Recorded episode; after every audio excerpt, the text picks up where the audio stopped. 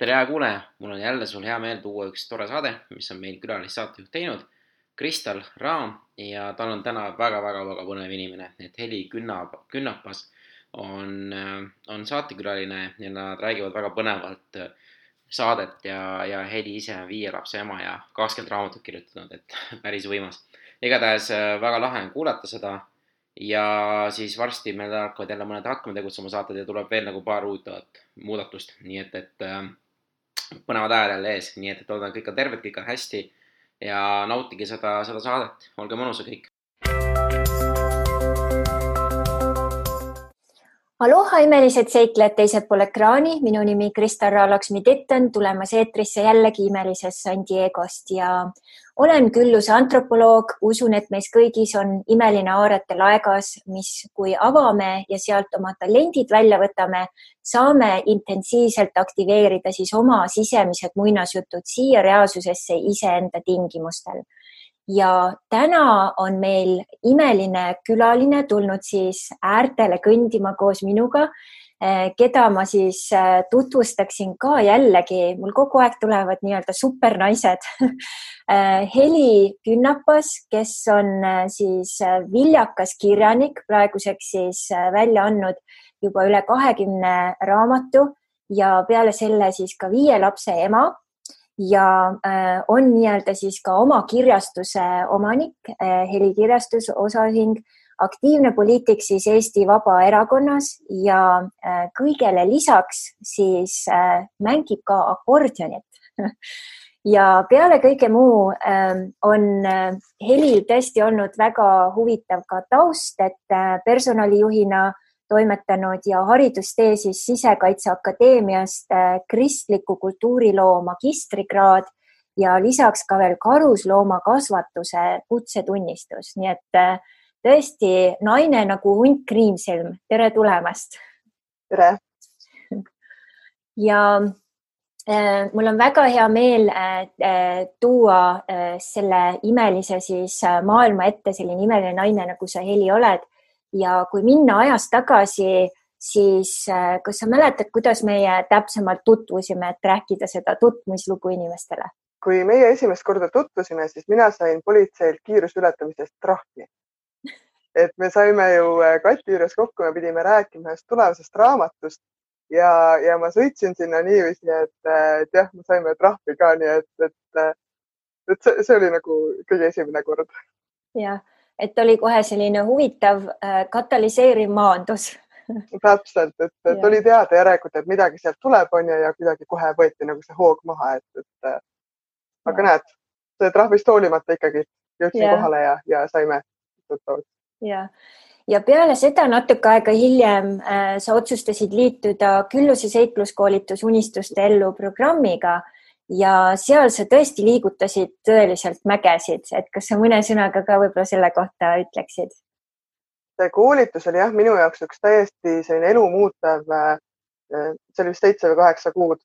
et, äh, et esiteks ma õppisin äh, selle kohta, et, et rahast võib rääkida, raha võib küsida, raha on meil vaja, et, et see on nagu eestlaste jaoks ja minu jaoks oli ka aastaid hästi selline keeruline küsimus, et kuidagi noh, ei tohtinud rääkida ja, ja tegelikult on meil kõigil ju vaja seda elamiseks mm. -hmm. ja, ja teiseks just see enda tundma õppimine ja üldse kogu oma elu niiviisi käima saamine, enda suhte parandamine või edasiviimine, ka enda lastega hakkama saamine, et, et äh, just selline enda, enda nagu tundma õppimise mõttes oli see ikka väga-väga oluline koolitus, nii et aitäh sulle selle eest, see oli tõesti väga kasulik aitäh sulle ka. Ja äh, selle koolituse ajal ja ka pärast on olnud väga põnevaid hetki, me jõuame nende äh, osade detailideni ka hiljem, aga tõesti sinu eripära võib-olla väga paljudega siis, kes äh, seda koolitust on läbi teinud, on just see, et kui sul idee tuli, siis sa põhimõtteliselt äh, tegid selle kohe ära, et sa ei munenud sellega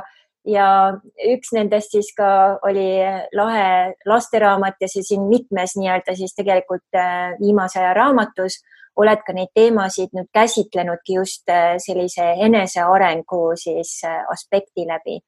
ja see on väga oluline teema, eriti praegusel ajal, ütleme siin, kui me lindistame seda, siis veel koroonaviirus on väga nii-öelda siis ikkagi suur teema ja inimeste elud on sellest mõjutatud väga-väga suuresti, nii et äh, selles mõttes ähm, on, oled sa tõesti niisugune eeskujulik õpilane, kes mitte ainult ei teinud neid asju läbi, vaid tõesti sa panid ka palju asju töösse.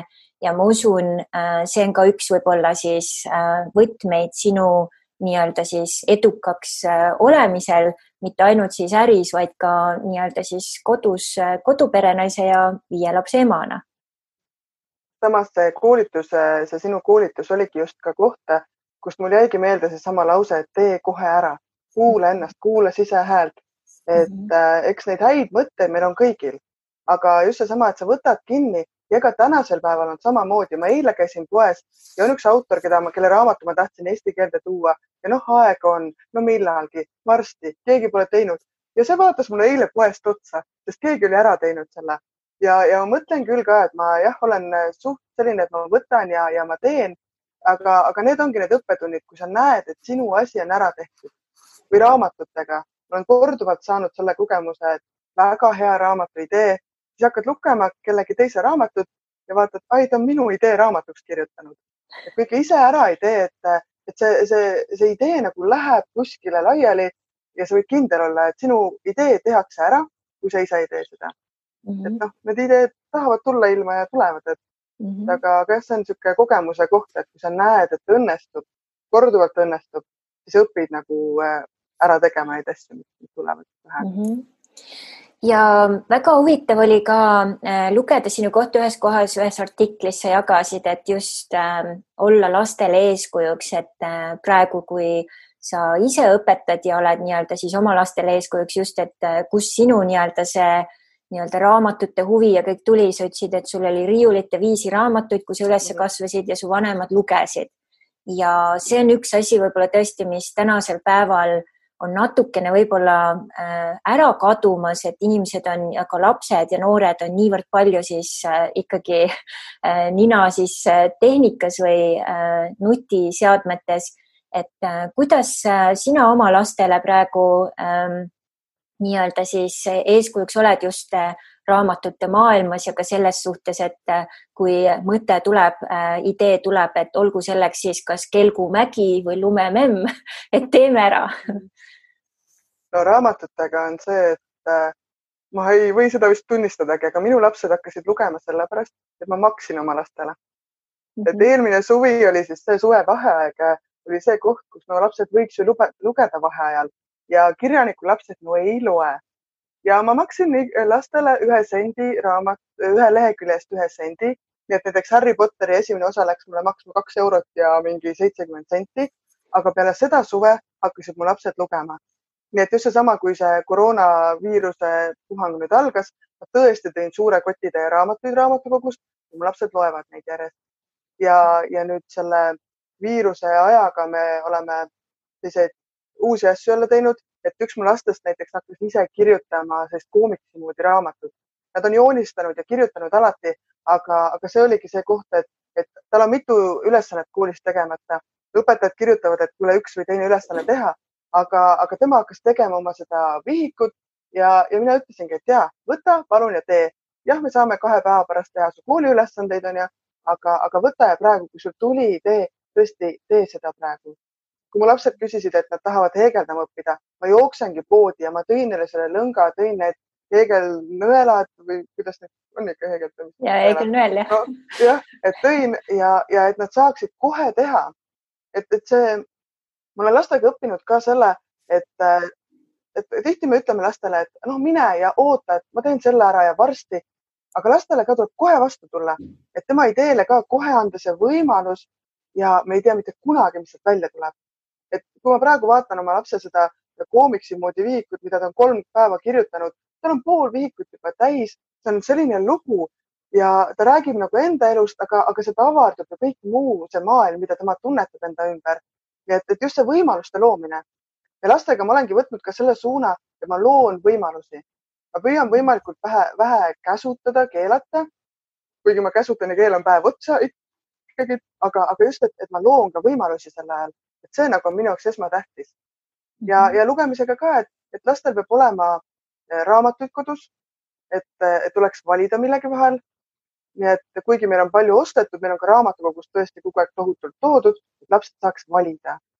nii et, et jah, võimalused, see on nagu märksõna minu jaoks, et võimalusi luua mm. -hmm.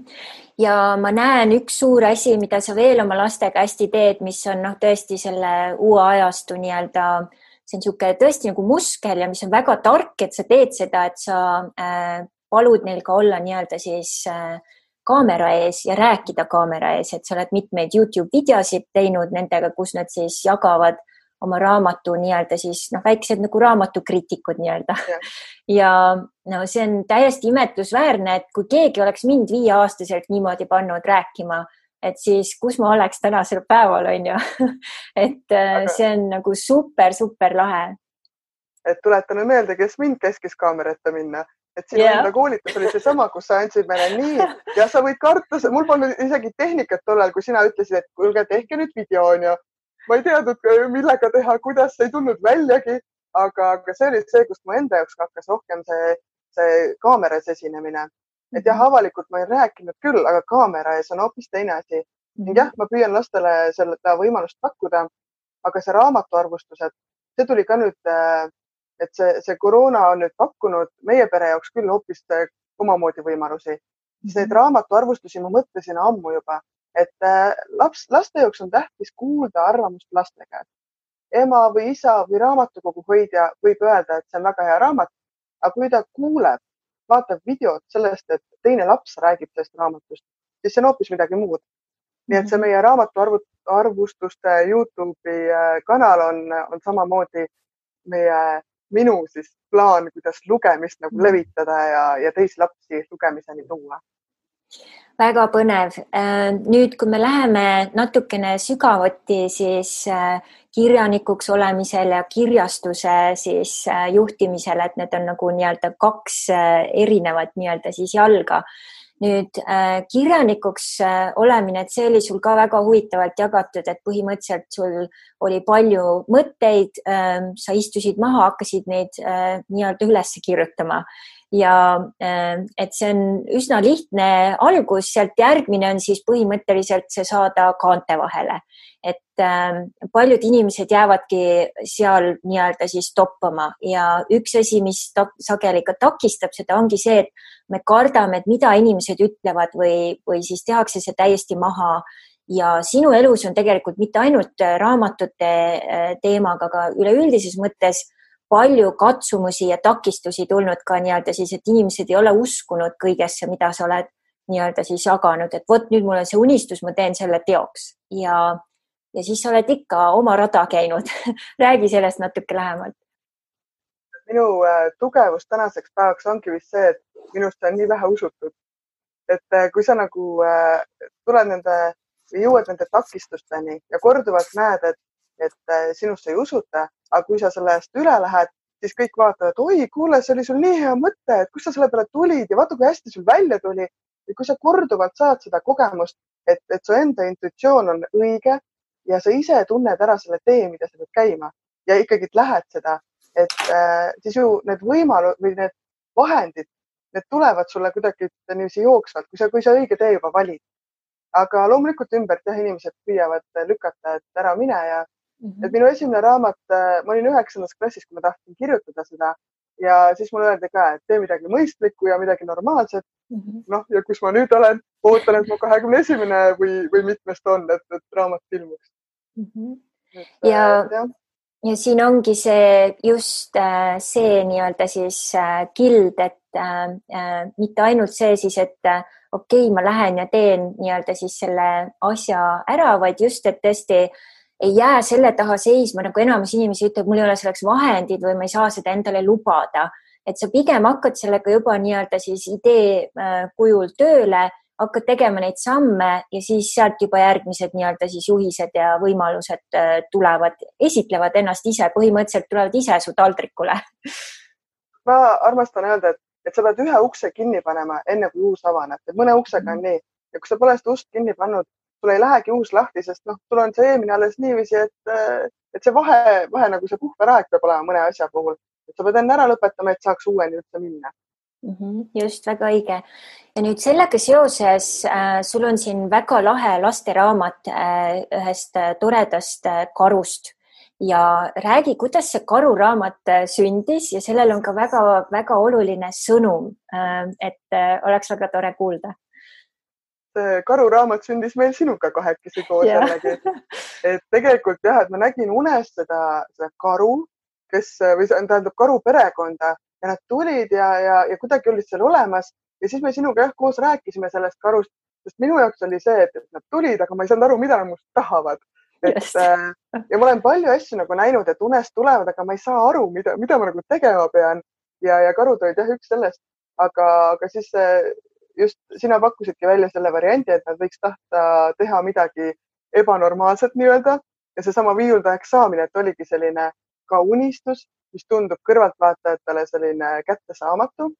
aga juba lõppette ära, kui ma lõpu ette ära räägin, siis karupoeg saab oma unistuse täide viidud, sellepärast et ta pingutab, ta proovib, ta harjutab, näeb ise vaeva ja, ja kõik on siis võimalik. Ja nüüd samamoodi see karupoeg siis äh,, tal oli ka palju nii-öelda siis äh, seda vastupanu või seda tuge ei olnud. Ja kui ta leidis selle toe või ka siis nii-öelda selle äh, nii-öelda siis inimesed, kes või ma ei tea, sul on seal loomad on ju, kes ja usu, usuvad temasse, et siis ta jõudis selle tulemuseni. Ja see teema nii kõnetab mind samamoodi, et ma mäletan minu nii-öelda siis Lõuna-Aafrika kogemust, kui minu siis professor äh, seal ütles, et Kristal, et ega sa ometi magistrikraadi ei mõtle võtta, onju, et noh, umbes, et sa oled nii loll, et sellega sa nagu nii kuskile ei jõua. ja ma ei teadnud, aga põhimõtteliselt nädal aega hiljem tuli mul kiri äh,. ma olin selleks ajaks juba paberid siis saatnud äh, Põhja-Norra ülikooli magistratuuri visuaalsesse antropoloogiasse ja samal ajal, kui ma olin tegelikult juba äh, noh, nii-öelda siis lõpetamas oma bakalaureusekraadi seal äh, Kaplinas, tuli mul see siis vastus, et te olete vastu võetud äh, siis Tromsø ülikooli visuaalsesse antropoloogiasse magistrikraadi ja ma nagu midagi väga ei hõisanud seal sellel ajal veel, sest noh, üks asi on sisse saada, teine asi on vaata siis tegutsema hakata. ja ma äh, nii-öelda siis sain sisse ja esimese siis äh, Äh, poole aasta jooksul, esimese semestri jooksul meil oli vaja teha siis äh, testdokumentaalfilm, äh, see oli üsna lühikene, aga ma tegin selle ära, siis ma läksin jõuludeks Lõuna-Aafrikasse. ma otsisin selle õpetaja üles ja korraldasin seal väikese siis esitluse, kus ma näitasin siis oma esimest dokumentaalfilmi magistratuurist Tromsøs siis ja see oli nii lahe, no tõesti elu üks tipphetki, kui see mees oli täiesti vait seal nurgas tal ei olnud midagi öelda, siis ma olin lihtsalt nii-öelda noh, inglise keeles on hea sõna outworked, et ma olin ta nii-öelda üle töötanud ja põhimõtteliselt äh, siis äh, tõestanud, et see, mida ta ütles, et see oli täiesti vale. ja sinu, sinu elus on selliseid näiteid palju. üks, äh, mida ma mäletan koolituse ajast ähm,, oli selline äh, kus ähm, äh, sul oli tegelikult äh, noh, raha, rahadega oli seal liikumised olid natukene aeglasemad ja sul tekkis võimalus saada endale selle eriline koer tuhande euro eest, kui ma mäletan hästi. Mm, ja kõik sinu ümber ütlesid, et täitsa hull, et tuhande, tuhande euro eest koer osta ja sa tegid selle ära, et äh, räägi sellest näitest ja räägi mõningatest teistest näidetest, kus samamoodi kas keegi on öelnud sulle, et sa ei saa seda ja kus sa siis oled kätte võtnud ja millega sa hakkama said? et näiteks kasvõi akordioni mängimine, kustkohast see tuli akordionit äh, ma läksin kümneaastaselt äh, muusikakooli ja sealt alates ongi, et ma olen lihtsalt järjest mänginud, et mm -hmm. selle akordioniga oli muidugi ka minu üks kogemus, et, äh, et umbes viiend-, seitse aastat on see õping on ju laste muusikakoolis ja viiendas klassis ma siis ütlesin, et kuule, ma enam ei jõua ja ei saa ja, ja noh, tekkisid ikka muud huvid. Ja siis äh, mul oli isa see, kes ütles, et kuule, et käi see aasta lõpuni ja noh, siis jäta pooleli, kui tahad, onju. ja kui ma olin juba viis aastat ära käinud, kaks oli veel käia, et loomulikult ma lõpetasin ära, et see oli üks selline kogemus või õppetund minu jaoks, et, et jah, et sa käi see üks samm veel, mida sa ei jõua ja, ja siis äh, tegelikult tuleb jõud ju edasi ka järgmisteks sammudeks mm. -hmm. ja, ja koera puhul oli jah see, et, et tollal oli näha, et, äh, et tema oli, meil oli vaja nagu sellist äh, teist hingust koju või kedagi nagu, kes aitaks ka pere kuidagi teistmoodi edasi viia. ja, ja see oli täpselt õige aeg, õige koht selle jaoks ja, ja, ja oli jah, et, et tõime ta ära ja, ja sai ta makstud ka ilusti kohe järjest ja, ja nii oli. Mm, koer on ikka alles? Äh, kusjuures ei ole, ei ole. mis koeraga juhtus? ta suri ära nüüd just alles siin hiljuti. oi kui kahju. nii et jah, aga ja. kusjuures tunduski kuidagi niiviisi, et, et nagu see aeg, kui teda oli vaja, see kõlab halvasti, aga kuidagi tuli vaja, et ta aitaks meid kuskile edasi ja, ja noh, neil oli nagu selline haigus, mida ei saanud nagu ennetada, me ei saanud midagi teha, me püüdsime, aga ei saanud üle sellest, nii et, et nende tõuk kahjuks on selline, kes, kes suht lihtsalt nagu läheb ära, et kui läheb, siis läheb, nii et mm. -hmm selles mõttes on jah kahju aga jah, et äh, koerad ja loomad, ma ise näen, on alati nagu sellised äh, põhimõtteliselt nagu äh, abivaimud, kes tulevad meie ellu assisteerima ja, ja aitama ja kui see aeg on nii-öelda siis teenistus on ära tehtud, siis on neil aeg minna.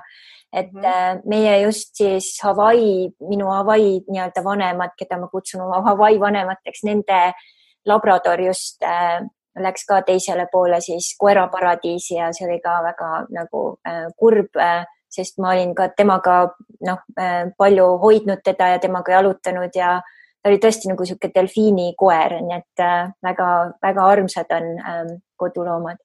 nüüd kui me läheme natuke sügavuti siis veel selle teemaga sinu raamatutele teemana on selline üks nii-öelda siis võib-olla üks või kaks sellist äh, punast joont, et üks on just, et äh, inimesed käivad läbi raskust ja tavaliselt on ikkagi niisugune õnnelik lõpp, et jõuavad mingi põneva nii-öelda siis uue tulemuse või avastuseni.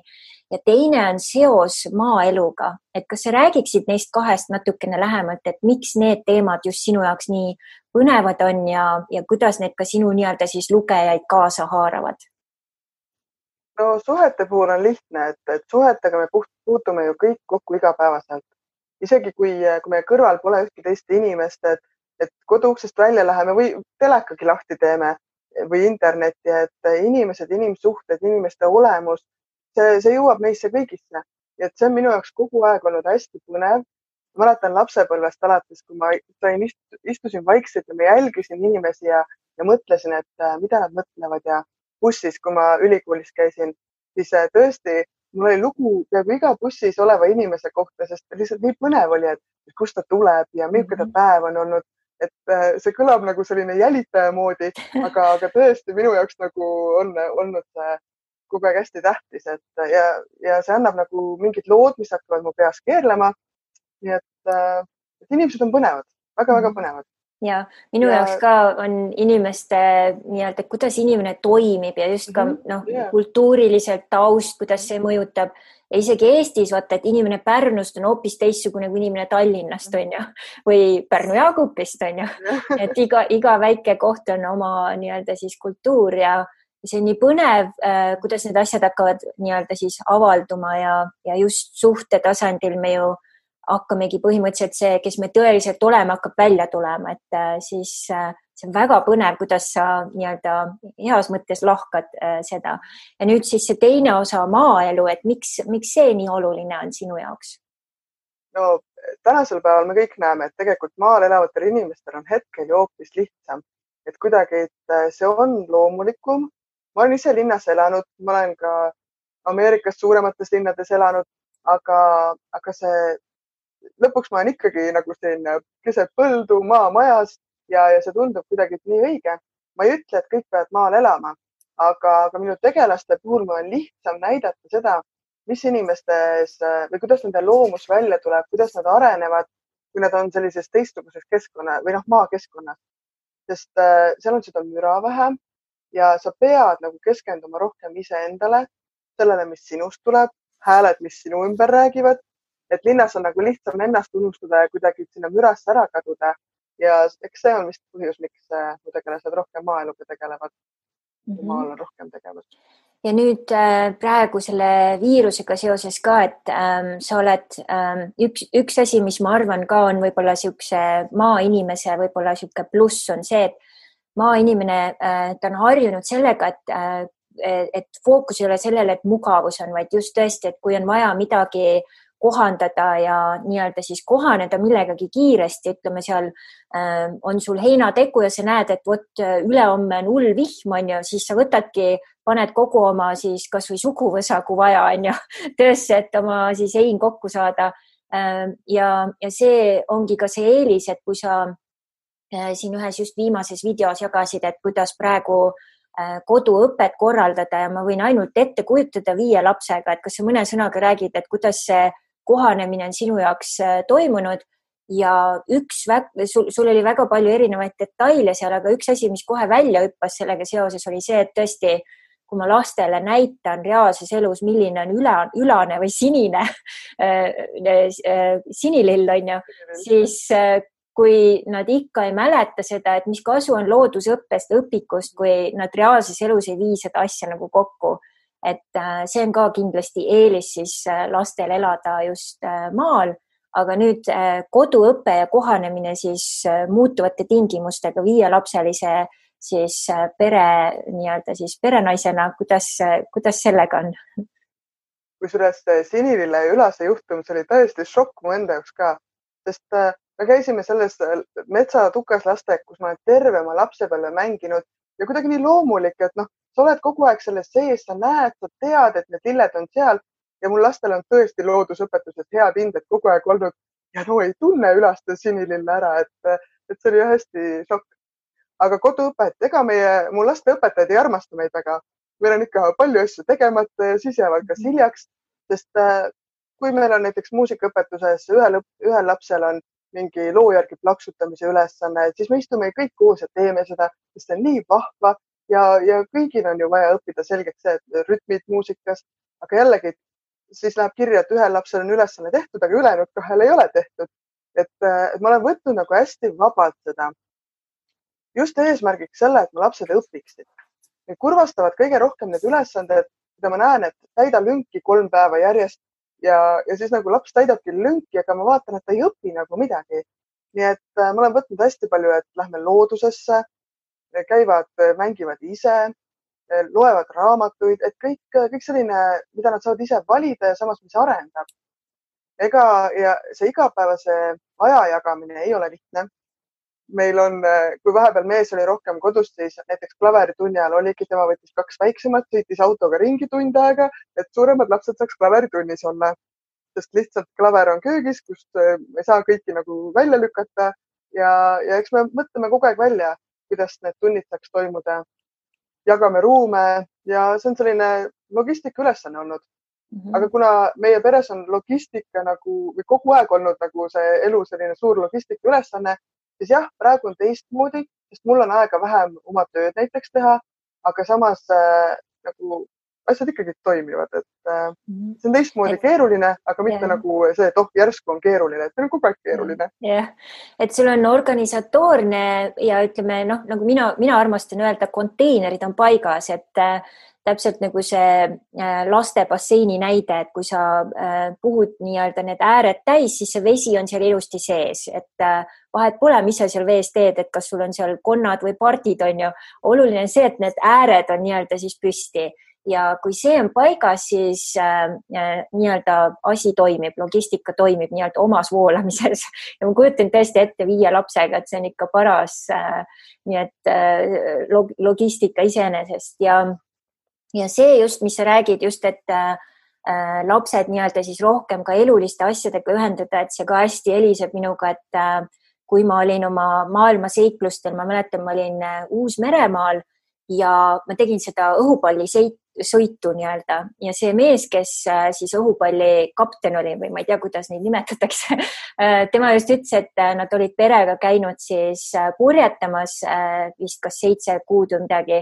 Ja lapsed olid ka koduõppel ja nad õppisid selle ajaga palju rohkem, kui nad õppisid tavakoolis, et nii nagu sa ütled, et lihtsalt see tuim nii-öelda siis ülesannete täitmine, mis ei ole tegelikult siis praktilise eluga ühenduses nii et see on äh, väga oluline ja, ja see on väga tore, et äh, sa toetad oma lapsi sellisel kujul, et maailm on kohe ja Eesti on kohe parem koht, sest viis last nüüd õpivad seda siis natuke elulisemalt.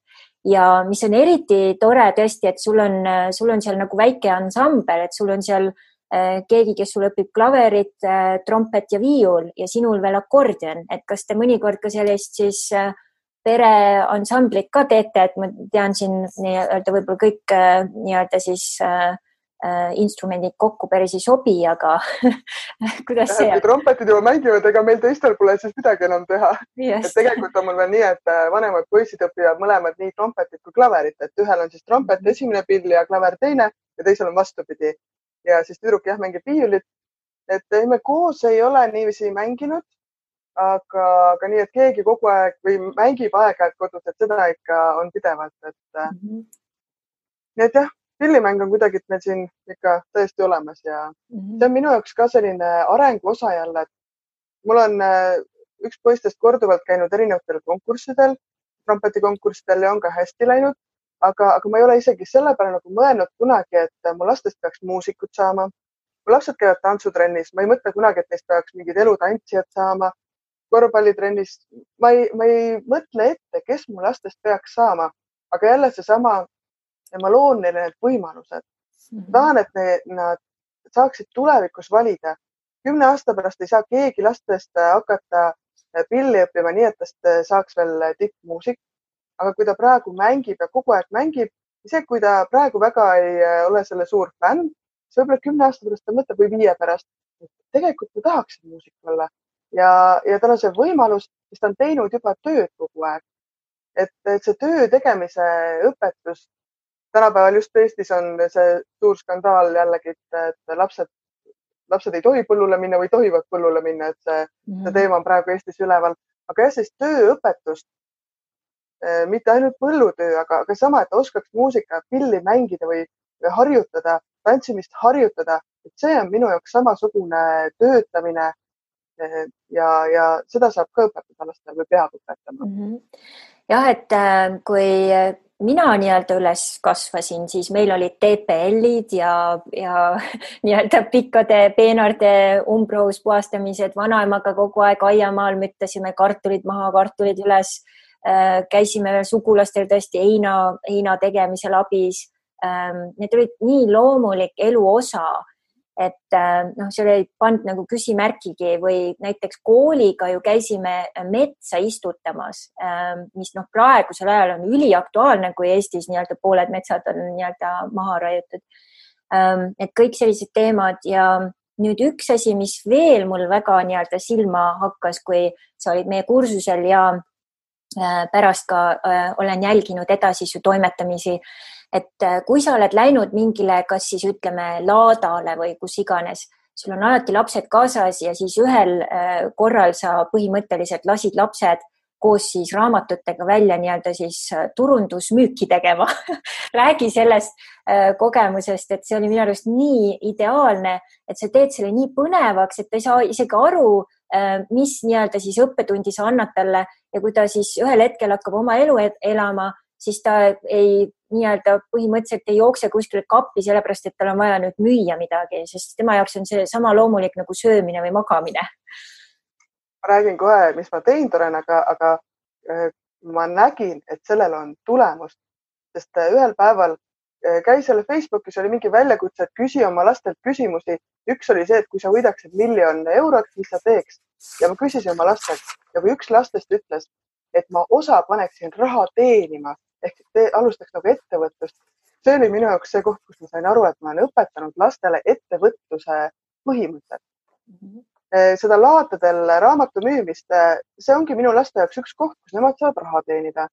et nende töö, jah, kindlasti keegi võib öelda, et lapsed seda ei või teha, aga kui mõtled tänapäeval, et eh, mille eest saavad lapsed raha, ma ei ole selle poolt, et ma pean lastele mingeid tohutuid summasid lihtsalt kogu aeg maksma, eriti kui neil pole vaja midagi osta aga samas, et anda ka lapsele see võimalus, et kui ta tahab midagi osta, kuidas ta saab selle raha kokku.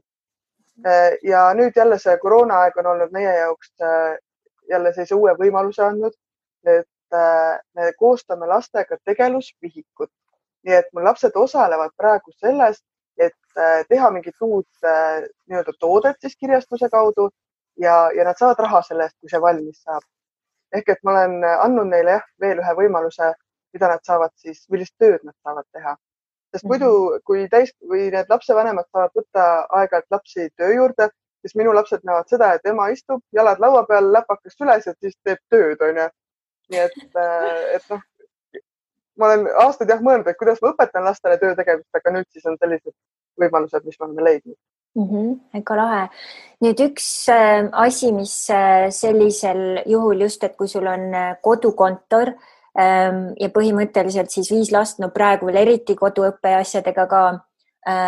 Kuidas on äh, sinu ajakasutus, et sellest sa oled ka päris palju rääkinud, mina olen ka, see on üks minu lemmikteemasid, et tõesti, meil on kõigil kakskümmend neli tundi, kuidas sa jõuad, et äh, mul oli samamoodi, minu õde tuli äh, külluse seikluskoolituse koolitusele. Kaksikud, põhitöö, oma äri, majapidamine, koerad, kassid, äh, kõik kodutööd tulid õigeaegselt sisse, kõik oli tehtud, kõik oli super. Et äh, samamoodi nagu küsimus on ju, sinul samamoodi, see ei olnud mingit vabandust, kõik asjad olid tehtud, et kuidas sa jõuad, mis su trikk on? Äh, minu kõige suurem trikk on see, et ma tean, et ma kõike ei jõua, mis tähendab seda, et ma tean, et ma pean loobuma mingitest asjadest ja ma ei pea kõike jõudma, vaid ma pean valima, mida on vaja teha ja mida ma võin siis teha, et kui mul aega veel üle jääb. aja planeerimist, ma olin umbes viieteistaastane, kui ma hakkasin äh, hästi teadlikult tegema ja tõesti, mul on äh, nagu ajakavasid ja tabeleid ja, ja nimekirju, mul on hästi-hästi palju ja ma tõesti kasutan neid. see ei ole see, et näed, Kristel ütleb koolituse käigus, et tuleb teha ajakava, nii ühe korra teen ja siis on kõik, vaid tõesti, ma teen seda ja ma kasutan ja ma saan aru seda, et see alati ei toimi, mis tähendab, et ma teen ta ümber, kui on vaja. et, et ühelt poolt on see, et mul on paber ees, ma pean seda tegema ja teiselt poolt ka see paindlikkus, et okei okay,, seekord ei tulnud välja, et ma ei ole nagu karm endaga, et, et sa pead, Heli, sa pead tegema, jõudma. mingeid asju peab jah, mingid maalt on see, et sa pead tegema, aga, aga see tulebki mingi loobumise hinnaga nii-öelda, et, et see mõistmine, et millest loobuda ja see pidev hindamine ja pidev, mitte see, et üks kord aastas, kolmkümmend üks detsember annan lubadusi, vaid see, et ma kogu aeg teen seda mm. -hmm. õhtuti tõesti vaatangi plaanid üle järgmiseks päevaks. praegu ma vaatan üle plaanid viiele inimesele järgmiseks päevaks, et teen ajakavad ja, ja mm, -hmm. Ja, täpselt, et kui see ei toimi, siis vaatame ümber just, et olla paindlik, kohandada vastavalt oma olukorrale ja ka siis päevastele olukordadele, siis iga päev ja asjad muutuvad, eriti kui sul on veel noh, viis last seal äh, toimetamas. ja nüüd üks asi, mis on ka meil hästi sarnane, et äh, äh, põhimõtteliselt äh, seda meelt olen mina samamoodi, et kui sa tahad olla hea milleski, siis on vaja seda teha hästi palju. kui sa tahad olla hea kirjanik, siis kirjuta hästi palju ja loe hästi palju. Ja äh, sina oled seda ka korranud äh, sajad miljonid kirjanikud maailmas on seda korranud ja tõesti, meil on palju õppida erinevatelt siis inimestelt ja raamatutest. ja mis mulle väga meeldib veel, on see, et sa oled teinud äh, väga laheda nii-öelda siis katsumuse, et sellised iseenda valitud katsumused, et mina olen neid ka teinud aastate jooksul, mul on praegu käimas siis üks katsumus, kus on nii, et ma päevas kirjutan ühe luuletuse ja varsti on saamas sellest aasta aega, kui ma olen seda teinud iga päev.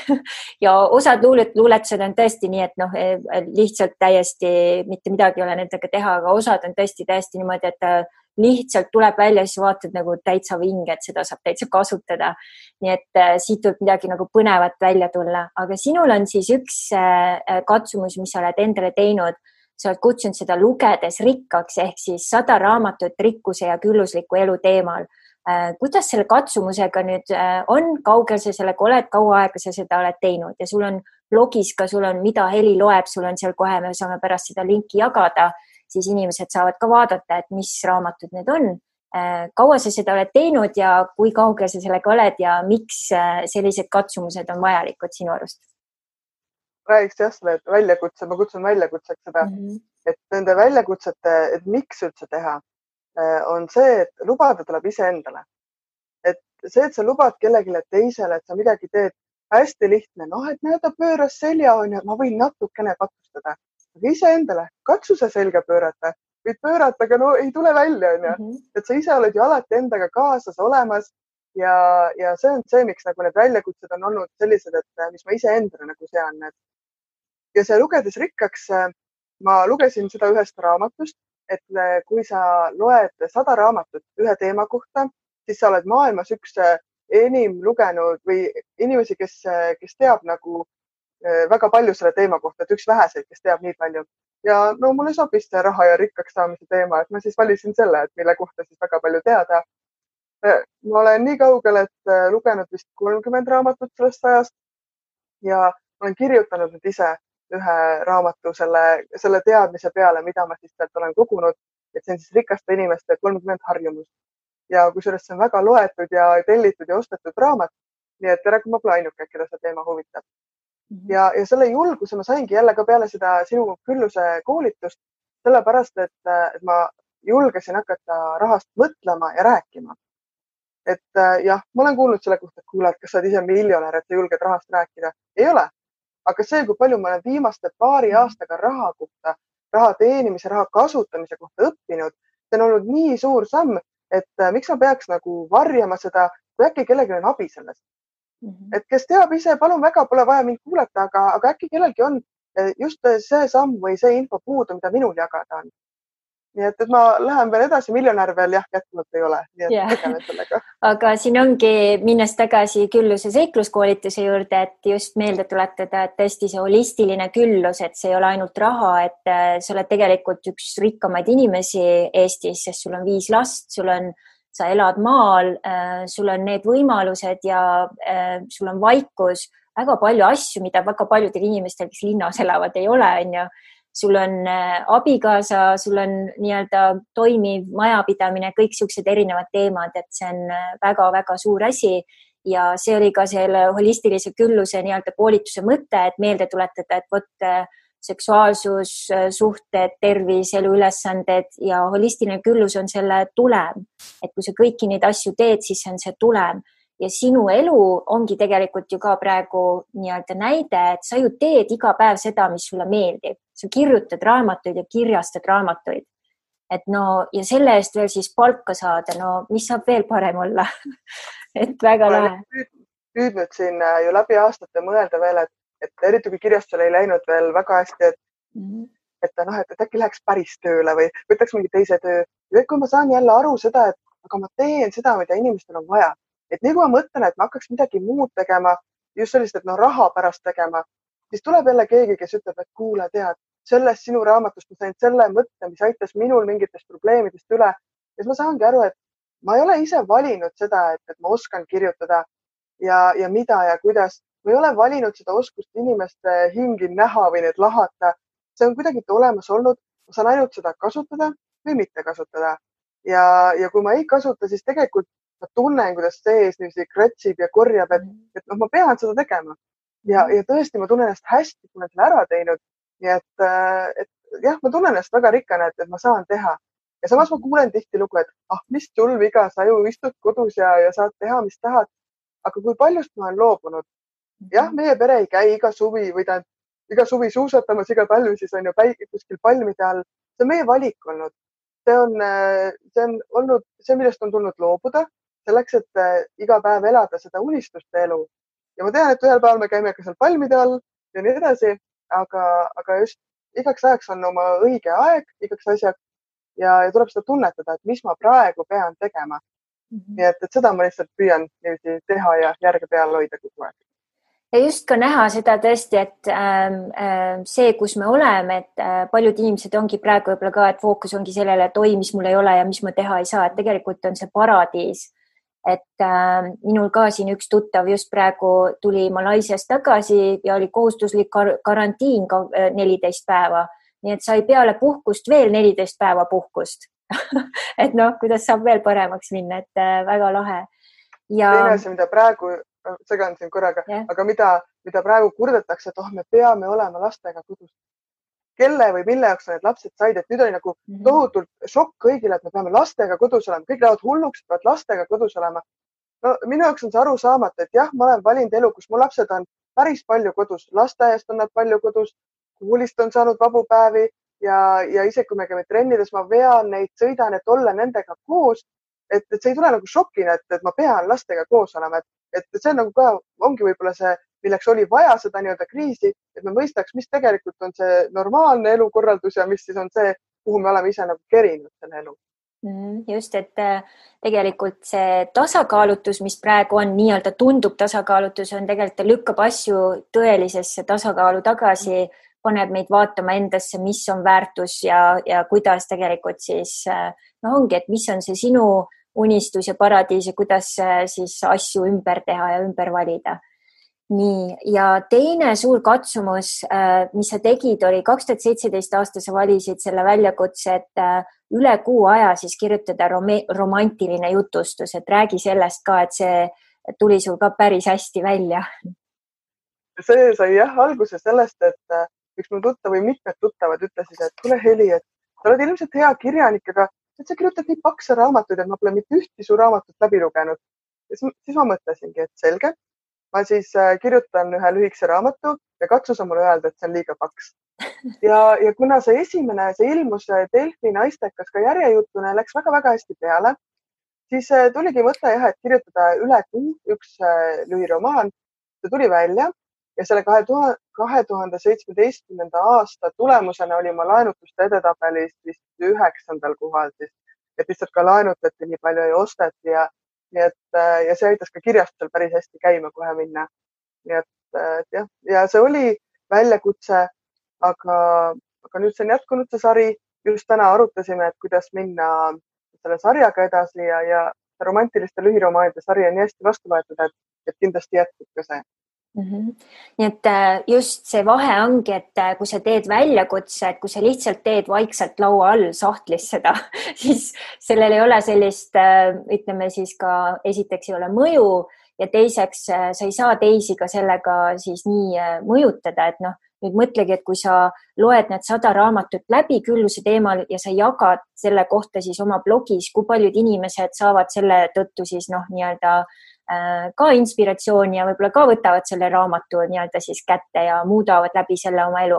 Või samamoodi siin äh, nende romantiliste jutustustega, et, äh, et selles mõttes on see väga lahe niisugune tehnika, mida mina ka hästi palju kasutan et tõesti tuua avalikkuse ette need väljakutsed, et äh, mida sa siis ütled, et sa teed ja siis näidata ka, et vot ma teen, et ma ei ole ainult see, kes äh, suuga teeb suure linna, vaid tõesti, ma kirjutangi kakskümmend raamatut, et nagu sa ütlesid kümme aastat tagasi, see oli sinu unistus ja tänasel päeval on see reaalsus. ja see ei oleks reaalsus, kui sa ei oleks tegutsenud, on ju. jah väljakutsetega, et äh, ma rääkisin küll, et nagu iseendale lubada aga eks see, kui sa avalikult välja ütled, siis on jällegi teistpidi, tuleb ka endale see motivatsioon ja nagu kontroll juurde, et mm, -hmm. et, et sa pead ikkagi ka teiste ees nagu natuke vastutama, et su sõnad yeah. ja teod kokku läheksid. Ja no see raamatu väljakutse on ka, et üks on see, et motiveeriks, aga teine, kui ma loen ka halba raamatut, et jagada ka seda kogemust, et eh, enda aega mitte raisata, et siis mõne inimese aega äkki ma hoian kokku sellega, et mina selle halva raamatu läbi lugesin. just, et äh, väga super, et äh, boonused mitmed pidi nii-öelda. Nüüd äh, mina olen aastate jooksul hästi palju sahtlisse kirjutanud ja siiamaani ei ole ükski asi nii-öelda jõudnud veel kaante vahele ja paljud inimesed on sarnases seisus ja mul on väga hea meel äh, nüüd teada, et suure uudisena, et sa oled just äh, siis välja andnud laheda raamatu siis, et kuidas kolmekümne päevaga siis äh, kirjutada romaani. Ja mitte ainult, sa teed ka koolitusi sellel teemal, et äh, kas ja mis on sinu niisugused esmased nipid, et kui nüüd, kui inimene istub sahtlis oma nii-öelda siis haarete laeka otsas, et äh, kust alustada, et äh, mis on võib-olla kaks-kolm nippi äh, täna siin meie kuulajatega jagada? no selles raamatus ma käsitlengi pigem seda, et kuidas see protseduur käib, et, et sa teed oma otsuse, su otsus on kirjutada raamat, järelikult sa loobud millestki, et ei ole see, et noh, ma otsustan, et ma kirjutan raamatu ja siis istun kuu aega ja mõtlen, no ei saanudki raamat valmis. Yeah.. et, et sa peadki tegema neid samme, et seal raamatus ma ei õpeta seda, et kuidas neid eh, tegelaskujusid välja kuidagi kujundada või dialoogi välja kujundada õigesti, vaid tõesti on selline, selline võib-olla nagu eh, juhendamine, et nii, nüüd see samm, teine samm, et, eh, et jah, üks asi on ikka, et kui sa selle otsuse teed, sa pead sellele keskenduma ja, ja südamest tegema seda. Et su eesmärk on ju kirjutada lugu või mingi lugu rääkida maailmale, mitte see, et, et nüüd sa pead lihtsalt selle raamatu või mingid sõnad kirja panema, et keskenduda loole. et minu jaoks hakkavad ka mu raamatud pihta loost, sellest, et ma tahan midagi öelda või mingi lugu hakkab nagu minu peas keerlema. nii et niisugune enda kuulamine ikkagi ja ja mm. soovitan raamatut lugeda, seal on kõik yeah, punktid olemas yeah.. nii et kui keegi tahab siis täpsemat juhist, et saab, äh, paneme siia pärast selle lingi ka, et siis saate kohe äh, nii-öelda siis äh, pea ees sukelduda. ja nüüd äh, ma tean, et äh, ma ise samamoodi äh, ka sina et äh, põhimõtteliselt, äh, kui ma alustasin antropoloogia õpingutega, esiteks ma ei teadnud üldse, mis asi antropoloogia on. Äh, ma avastasin, et oi, et see ongi, et see, et kuidas me siis inimestena nii-öelda suhestume, suhtleme, kuidas seda teha paremini, kuidas aru saada inimeste erinevatest taustadest, kuidas luua nii-öelda siis see kahesuunaline liiklus isegi kui mina olen Eestist, elan praegu San Diego's ja mul on siis keegi, kellega ma suhtlen Nigeeriast näiteks on ju. Ähm, ja kuidas seda luua ja ma usun, nii antropoloogidel kui kirjanikel on üks äh, ühine joon, on just see, et tuua võib-olla siis pinnale äh, ja võib-olla ka siis äh, võib-olla nii-öelda siis kaetud või varjatud asjad, millest ei julgeta rääkida, nagu sa rääkisid siin rahateemadel aga tõesti ähm, võtta sõna julgelt nende teemadel, et põhimõtteliselt äh, sa siin mainisid ka meie vestluses eelnevalt, et äh, olla nagu teistmoodi poliitik, et kas sa räägiks mõne sõnaga sellest ka? Äh, poliitikast nagu siis jah? ja et kuidas sa ühendad kirjanikuks olemist ja poliitikat, et selles mõttes see on väga teistsugune nii-öelda lähenemine ja samas see, mida sa ütled ja need sõnumid, mida sinu raamatud kannavad ja teosed kannavad, on väga olulised just tänase päeva nii-öelda siis inimestele, et sa lihtsalt ei ole ju kuskil nii-öelda koopas, et sa oled kogu aeg ühenduses oma lugejatega, sa paned tähele, mis tagasisidet nad annavad, mida nad tahavad ja siis sa lood selle nii-öelda siis pakendi, aga samas sa kirjutad sealt ridade vahelt ka nii-öelda siis selle sõnumi, mida sa näed maailmal on vaja et oled nagu selleks valjuhääldiks? vaata poliitikas jah, ma olen ka osalenud ja ma ei ole ust äh, kindlasti kinni pannud, aga, aga poliitikaga ongi, et kui sa ütled selle sõna juba poliitika, siis juba näed, inimestel karvad lähevad turri. aga tegelikult ju poliitika on kõik see, et kuidas me nagu maailma enda ümber kujundame, et kõik, kellel on mingi otsustusõigus või, või otsustusvõimalus, tegelikult kujundavad ju poliitikat nii et, äh, et jah, ma tean, et oma raamatutega, kui ma kirjutan ka inimsuhetest, siis ma kuidagi kujundan maailma enda ümber ja see juba ongi poliitika. ja, aga ma lihtsalt tunnistan ka seda. Äh, ma tean, et äh, mu uus raamat, mis ilmub siin nüüd maikuu keskel, noorteromaan Mälestusteta suvi, et selles on keskkonnateema sees ja, ja ma tean, et ma võtan kindlalt seisukoha seal keskkonnateemade puhul et äh, metsa hävitamisest on seal juttu ja ehk siis äh, metsade kaitsmisest. ja, ja isegi kui ma nagu pole aktiivne poliitik ja seal pole poliitikud tegutsemas, siis ma saan aru sellest, et, äh, et see on nagu minu sõnum ja, ja see on oluline välja öelda.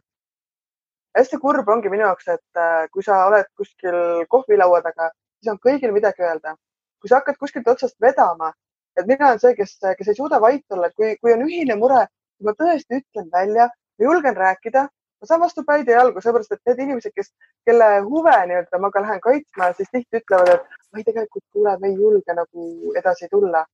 ja ma tean ka, miks, sest ka viimasel ajal ma olen kogenud, kuidas, kui sa ütled midagi välja, siis hakataksegi otsima, et aga mis sul endal viga on, kuidas sa julged rääkida, et sul ei ole kõik ideaalne, sa pole ise ideaalne, et see on hästi kurb, sest äh, tegelikult need, kes, kes võiks üheskoos seda maailma paremaks teha, hakkavad siis teineteise vastu nagu susima või äh, jooksevad eri nurkadesse, sest kardetakse. nii et, äh, et kui millegile on vinguda, siis ikkagi äh, need on need inimesed, kes kõrvale astuvad, sellepärast on asjad valesti, mitte need, kes seal küüne peal siis on ja, ja sõna võtavad, vaid need, kes astuvad kõrvale, ei julge öelda, kardavad kas enda või, või avalikku tähelepanu pärast, nii et, et see on, see on kurb lihtsalt mm. -hmm ja selles mõttes ongi hea, et sa oled ähm, just leidnud nii-öelda siis oma äh, kanali, kuidas vahendada seda oma sõnumit ja, ja see on äh, hästi-hästi oluline, mida aeg edasi läheb, just äh, rohkem, et see oleks kuulda. Ja mulle meeldis väga sinu osades videodes oli just see, et seisukoht, et kui indiviid on nii-öelda õnnelik, siis on meil ka nii-öelda riik õnnelik. Ja mm -hmm selle kohta sa oled mitmes kohas ka maininud just seda, et kui oluline on iseenda eest hoolitseda ja just rääkinud ka siis nii-öelda see vaimne ja niisugune terviklik lähenemine iseendale, et kas sa mõne sõnaga kommenteeriksid seda ka? no seda ma olen ka aastate jooksul nüüd õppinud, et äh, need inimesed, kes sulle peale lendavad ja midagi halvasti ütlevad, tegelikult on ju nende enda elus midagi, mis on lahendamata. Et miks nad üldse tulevad selle peale, et, sulle midagi halvasti öelda. kõik need netikommentaariumid ja, ja või noh, kes iganes ütlevad ja sind tagasi kisuvad. kui igaüks tegeleks jah iseendaga, ma tõesti usun seda, et siis ei oleks üldse nagu sellist negatiivsust ja, ja, ja halvasti ütlemist aga see endale otsa vaatamine on tavaliselt kõige valusam. kui sa avastad, et sa ise nagu katki oled või, või midagi valesti tehtud äh, või teinud enda elus, et, et siis see on nii suur ja raske töö, et endaga tegelema hakata ja valus, sest kes süüdi on, ainult sa ise on ju. et, et jah, ma usun sellesse, et, et igaüks peaks endaga tegelema ja tõesti, mu raamatutes tegelased tegelevad iseendaga. aga kuna ma siiani olen kirjutanud realistlikke lugusid, siis need tegelased tõesti tulevad ju elust endast. mitte see, et ma võtan nüüd mingi äh, naabermajast kellegi või, või kuskilt lapsepõlvest kellegi otse raamatusse, aga nad on nagu komplekt või selline kogum inimestest, keda ma olen kohanud eluteel. nii et, äh, et jah, need inimesed pole ju välja mõeldud raamatutes ja need mured mm -hmm. samamoodi mitte. just ja nüüd ähm, kokkuvõtteks ähm,, kui äh, sa mõtled äh,, mul on siin olnud niisugune lahe läbiv küsimus, et see on niisuguseid väga huvitavaid vastuseid saanud et äh, kui maailmas on nii-öelda üks küsimus, mida iga inimene võiks iseendalt küsida, et mis on see küsimus äh,, mis sina arvad, see võiks olla? mis mind õnnelikuks teeb? et see ongi minu jaoks võti, et äh, mis mind õnnelikuks teeb ja kui mina seda inimestelt küsin, siis see on kurb, kuidas inimesed tunnevad, et nad ei ole väärt seda õnne. et ai, ma pean tegema selle, selle ära, et ma ei tohi nagu selle peale mõelda. Ma olen tõesti testinud inimeste peale, küsinud, mis sind õnnelikuks teeb. kas sa oled mõelnud? ei, ma veel ei saa mõelda selle peale. et mm, -hmm. et see on minu jaoks võtmeküsimus. kui selle peale hakkab iga inimene mõtlema või suur osak inimesi, siis sellega laheneb väga-väga palju teemasid jah, maailm muutub äh, kasvõi üleöö mm. -hmm, just, et kasvõi lihtsalt anda, julgustada inimesi ja selles mõttes ongi sinu tegevused ja toimetamised toetavad, inspireerivad inimesi seda tegema ka julgemalt, ma usun. Ja nüüd, ähm, kui ähm, äh, see, see küsimus kusjuures tuli sellest, et äh, Einsteinilt oli küsitud seesama küsimus ja, ja tema siis vastus sellele oli põhimõtteliselt see, et tulebki siis selgeks teha, et inimene tuleb äh, nii-öelda siis endale peab inimene selgeks tegema selle, et kas äh, ta on siin nii-öelda siis, kas maailm on tema jaoks sõbralik koht või vaenulik koht. ja me oleme siin tegelikult selleks, et nii-öelda, et maailm oleks meie jaoks äh, sõbralik koht ja et me oleme siin selleks, et ehitada sildu nii-öelda siis selles sõbralikus kohas üksteise ja inimeste ja maailmade vahel. ja see minuga nii resoneerus, sest ähm, ilma, et ma ise oleks ka võib-olla mõelnud selle peale ma olen alati olnud silla ehitaja mitte ainult inimeste vahel, vaid ka täiesti kontinentide vahel, et kasvõi praegu sina oled eetris Pärnu ja Jaagupist on ju sealtkandist ja mina olen San Diego's on ju, et see on äh, suur asi. Ja igaüks meist on silla ehitaja, et lihtsalt tuleb leida siis, äh, mis on need sinu tööriistad ja kingitused ja talendid. ja mul on nii hea meel, et äh, sa oled palju äh, asju ka minu õpetustes töösse pannud ja jätkad täiesti julgelt siis oma lipu ja oma tee nii-öelda käimist.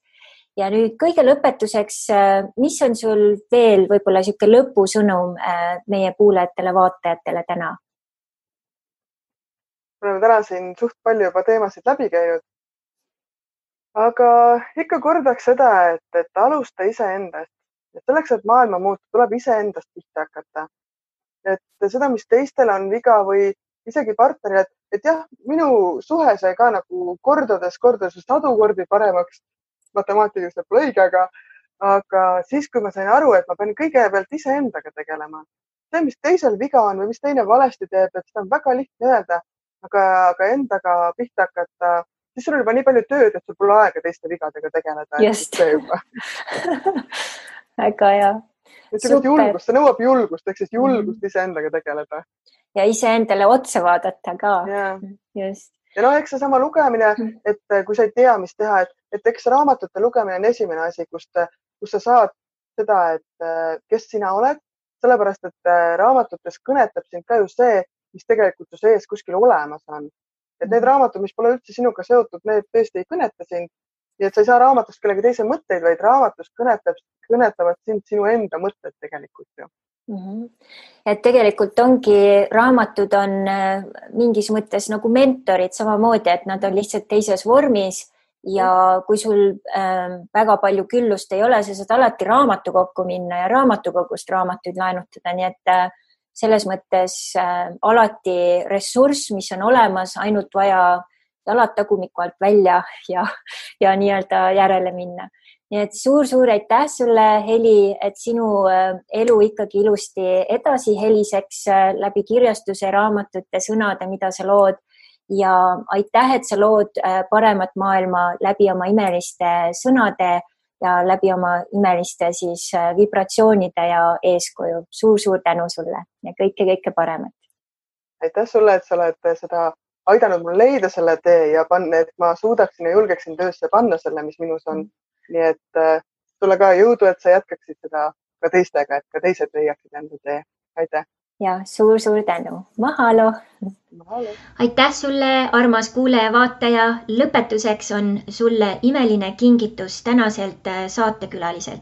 nii et vaata täpsemat linki selle video või siis podcast'i alt ja äh, võta vastu see imeline kingitus. kui see episood sind inspireeris, äh, palun jaga oma sotsiaalvõrgustikes ja hakka meie podcast'i jälgijaks kõike, kõike paremat, imelist voolamist, olgu aloha alati sinuga. Mahalo